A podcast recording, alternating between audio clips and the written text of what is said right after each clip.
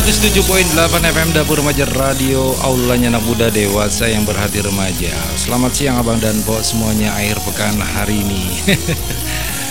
Lalapan lagu-lagu pop Anda. 20 menit bergeser dari pukul 13 siang abang dan po menemani Anda di kesempatan hari ini di akhir pekan ya. Di bulan 6 tanggal 26 tepat sekali. Dan hari ini adalah hari Sabtu. Barangkali malam hari ini abang dan po sudah punya rencana mudah-mudahan aja ya dan meskipun demikian Abang dan Po tetap mematuhi protokol kesehatan ya. di kesempatan hari ini ya Amadika untuk menemani Anda semuanya di suasana siang cuaca cukup terik sekali namun tidak mengurangi rasa kebahagiaan abang dan pok semuanya di kesempatan hari ini. Dan kebetulan juga hari ini ya Dika akan membacakan sebuah artikel yang ditulis oleh Asep Maulana yang berjudul Presiden Jokowi tegas menolak jabatan tiga periode. Presiden Jokowi dengan tegas menolak usulan jabatan tiga periode. Pasalnya menurut undang-undang seorang presiden maksimal menjabat selama dua periode. Aturan itu tidak bisa diubah demi kepentingan politik tertentu Jangan sampai isu ini dibesar-besarkan sebab bukan usulan dari presiden sendiri. Indonesia adalah negara demokrasi, tetapi demokrasi malah dikoyak saat masa Orde Baru. Ketika seorang pemimpin negara menjabat selama 32 tahun, sehingga pada tahun 70-90-an kepemimpinan menjadi otoriter. Memang pada undang-undang disebut bahwa seorang presiden bisa menjabat kembali setelah terpilih. Namun setelah Orde Baru tumbang, ada revisi sehingga maksimal jabatan presiden adalah dua periode. Akan tetapi belakangan muncul isu bagai bola panas yang berkata bahwa akan ada revisi undang-undang yang menyatakan bahwa seorang presiden bisa dipilih sampai tiga periode. Spontan publik kaget. Apalagi masa jabatan Presiden Jokowi berakhir tahun 2024 dan ini adalah periode kedua. Sehingga jika ini benar, beliau bisa bertarung lagi pada Pilpres mendatang. Juru bicara Presiden Jokowi, Fajrul Rahman, menyatakan bahwa Presiden Jokowi menolak jabatan tiga periode. Penyebabnya, beliau mematuhi konstitusi Undang-Undang 1945. Sebagai konstitusi negara yang mengatur masa jabatan presiden selama dua periode, beliau juga setia kepada reformasi 1998. Dalam artian, tidak mungkin untuk mengubah undang-undang demi menambah masa jabatan presiden. Fajrul menambahkan, memang ada komunitas Jokowi, Prabowo, atau Jokpro yang katanya akan meramaikan Pilpres 2021 dan sedang viral di media sosial. Akan tetapi, Presiden tidak ada kaitannya dengan komunitas ini. Dalam artian, ini hanya bentuk kecintaan masyarakat melihat betapa harmonisnya Bapak Jokowi dengan Prabowo. Padahal di dua kali Pilpres mereka berseberangan. Polemik tentang masa jabatan RI 1 memang langsung membuat adanya tuduhan bahwa Presiden ingin menjabat kembali. Padahal beliau tidak pernah mengusulkannya. Bisa jadi isu ini hanya lemparan dari oposisi yang ingin agar citra Presiden Jokowi menurun di mata masyarakat dengan membuat gosip dan hoax yang tidak jelas. Bisa jadi munculnya usulan penambahan masa jabatan presiden adalah dari rakyat sendiri. Penyebabnya, mereka sangat mencintai sosok Presiden Jokowi yang penyayang dan kebapaan serta sangat perhatian kepada rakyat. Buktinya, ketika Presiden menguji berbagai daerah di Indonesia, disambut dengan sangat baik dan dieluk-elukan oleh semua pihak. Baru kali ini Indonesia memiliki presiden yang sangat memahami jeritan suara hati masyarakat dan cepat tanggap dalam menghadapi problema Indonesia serta membuat keputusan yang adil sehingga bisa jadi rakyat ingin agar presidennya adalah Bapak Jokowi lagi dan lagi saking cintanya kepada Bapak Presiden kita. Akan tetapi Presiden dengan tegas menolak usulan jabatan tiga periode walau beliau mengerti bahwa ini adalah bentuk perhatian dari rakyat. Mari kita hentikan polemik masa jabatan Presiden tiga periode. Mengingat ini bukanlah ide dari Bapak Presiden Jokowi atau orang-orang di istana. Presiden akan tetap kukuh untuk mengakhiri jabatannya pada tahun 2024 dan pensiun dari posisi RI 1 dengan bahagia. Biarkan orang lain yang menjadi presiden agar ada generasi pemimpin bangsa. Presiden Jokowi sudah tegas menolak usulan jabatan tiga periode dan hal ini jangan diperpanjang lagi. Tidak mungkin beliau memiliki ambisi untuk menjadi RI 1 kembali karena taat pada konstitusi dan Undang-Undang Dasar 1945. Amandemen Undang-Undang Dasar 1945 hanya untuk hal-hal yang penting saja dan bukan untuk merevisi masa jabatan Presiden Indonesia. Penulis adalah kontributor Pertiwi Institute. Demikian Abang dan Bo. Balapan lagu-lagu pop Anda hadir dari jam 11 sampai 14 siang. Acara ini untuk menemani Anda yang baru pulang sekolah atau yang aktivitas. Tontonin terus Tralapan Siang di radio kesayangan Anda. Radio Station Community Our Radio. Kita program musik.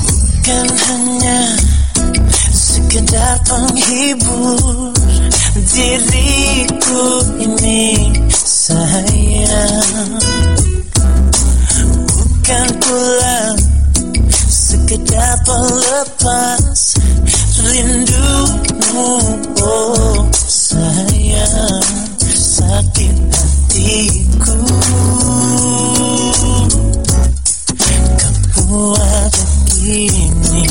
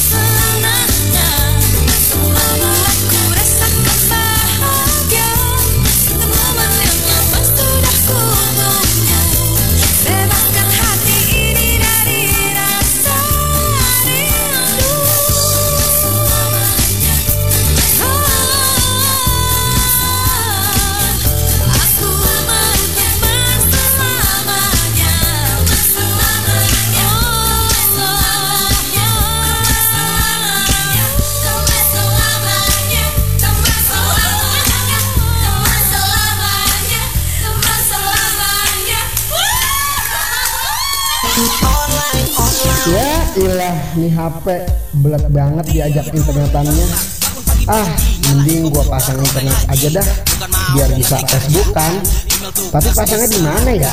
Yang gak ribet dan terjangkau harganya.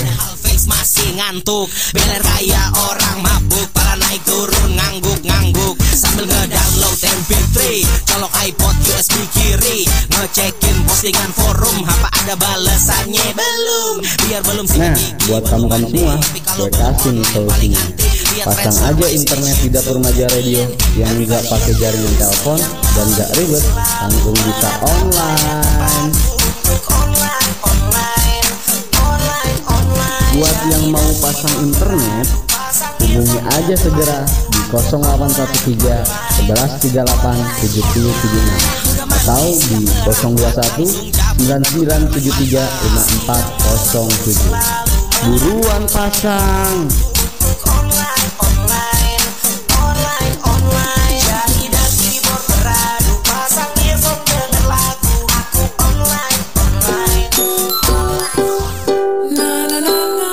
Insting, inspirasi penting. Kisah-kisah inspirasi yang penting untuk memperbaharui hati dan pikiran kita.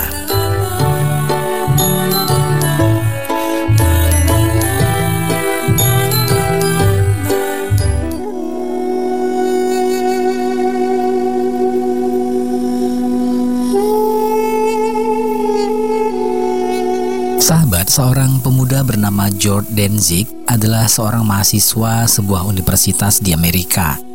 Kala itu, ia datang terlambat pada saat mata kuliah matematika. Ketika ia masuk kelas, ternyata di ruangan kuliahnya, teman-temannya sudah kosong. George melihat dua buah soal pada papan tulis di ruang kuliahnya. Ia berpikir bahwa itu pasti pekerjaan rumah yang baru diberikan oleh profesornya dan dia pun segera mencatat pada buku dan langsung pulang. Dia mencoba untuk menyelesaikan PR tersebut. Berbagai cara ia coba. Dalam hati ia berkata, Tidak biasanya dosen memberikan tugas demikian sulitnya.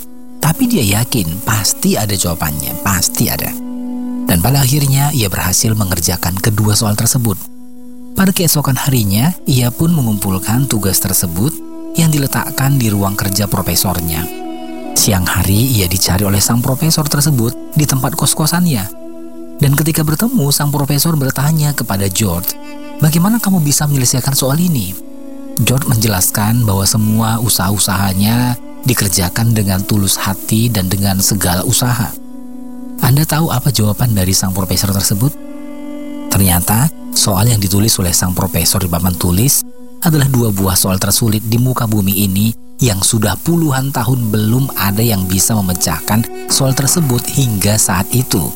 Tapi George bisa menyelesaikannya. Karena teman-teman mahasiswanya yang lain mengetahui itu, maka mereka pun menyerah dan menganggap pekerjaan rumah itu tidak harus dikerjakan, sehingga tidak ada satu orang pun yang berhasil mengerjakannya.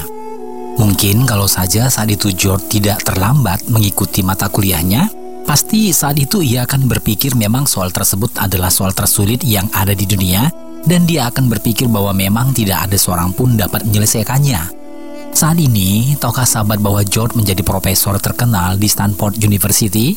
Dialah pemecah soal tersulit di dunia, dan dia bisa memecahkannya karena dia memang tidak tahu bahwa yang dikerjakannya adalah soal tersulit yang pernah ada di dunia ini. Tapi karena dia tidak tahu itu, soal tersulit pun bisa dikerjakannya. Masih di insting inspirasi penting. Sahabat, pikiran kita sesungguhnya memiliki kemampuan yang luar biasa jika kita tidak memenjarakan pikiran kita. Tapi masalahnya, pikiran kita sering kali diracuni oleh hal-hal negatif yang masuk dari luar dari kita sehingga melemahkan pikiran kita. Oleh karena itu, kita harus buang jauh-jauh kata-kata terlarang di dalam pikiran kita jika mau berhasil.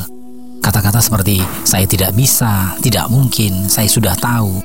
Tapi sebaliknya, jika kita berkata saya bisa, maka akan membuat pikiran kita bekerja untuk mencari jalan keluar. Orang-orang yang sering berkata tidak mungkin akan menutup berbagai pintu keajaibannya sendiri. Dengan sikap seperti ini, mereka akan sulit meraih sesuatu yang hebat karena hampir segala sesuatu yang kita nikmati hari ini adalah yang mustahil di hari yang lalu. Karena itu, janganlah pernah biarkan pikiran kita dengan hal-hal negatif yang melemahkan diri kita. Tapi penuhilah pikiran kita dengan hal-hal positif yang menguatkan keyakinan untuk meraih keluar biasaan dalam hidup ini. Jangan pernah penjarakan pikiran kita sendiri dengan pemikiran negatif yang hanya akan membuat kita semakin terpuruk. Ingatlah, Tuhan menciptakan kita sebagai makhluk yang paling sempurna dibandingkan makhluk ciptaan yang lain yang diciptakan oleh Tuhan. Jangan pernah lemah dan mengecilkan diri kita sendiri karena kita adalah ciptaan yang luar biasa. Apabila Anda mempunyai tanggapan maupun pertanyaan untuk hal ini, atau bagi Anda yang memiliki kisah hidup yang ingin dibagikan, silahkan SMS ke 0811-605-2345 atau melalui alamat email kami di cahayacintanegeri@gmail.com. Terima kasih untuk kebersamaannya. Saya pamit dari ruang dengar Anda dan sampai jumpa kembali di insting menarik lainnya.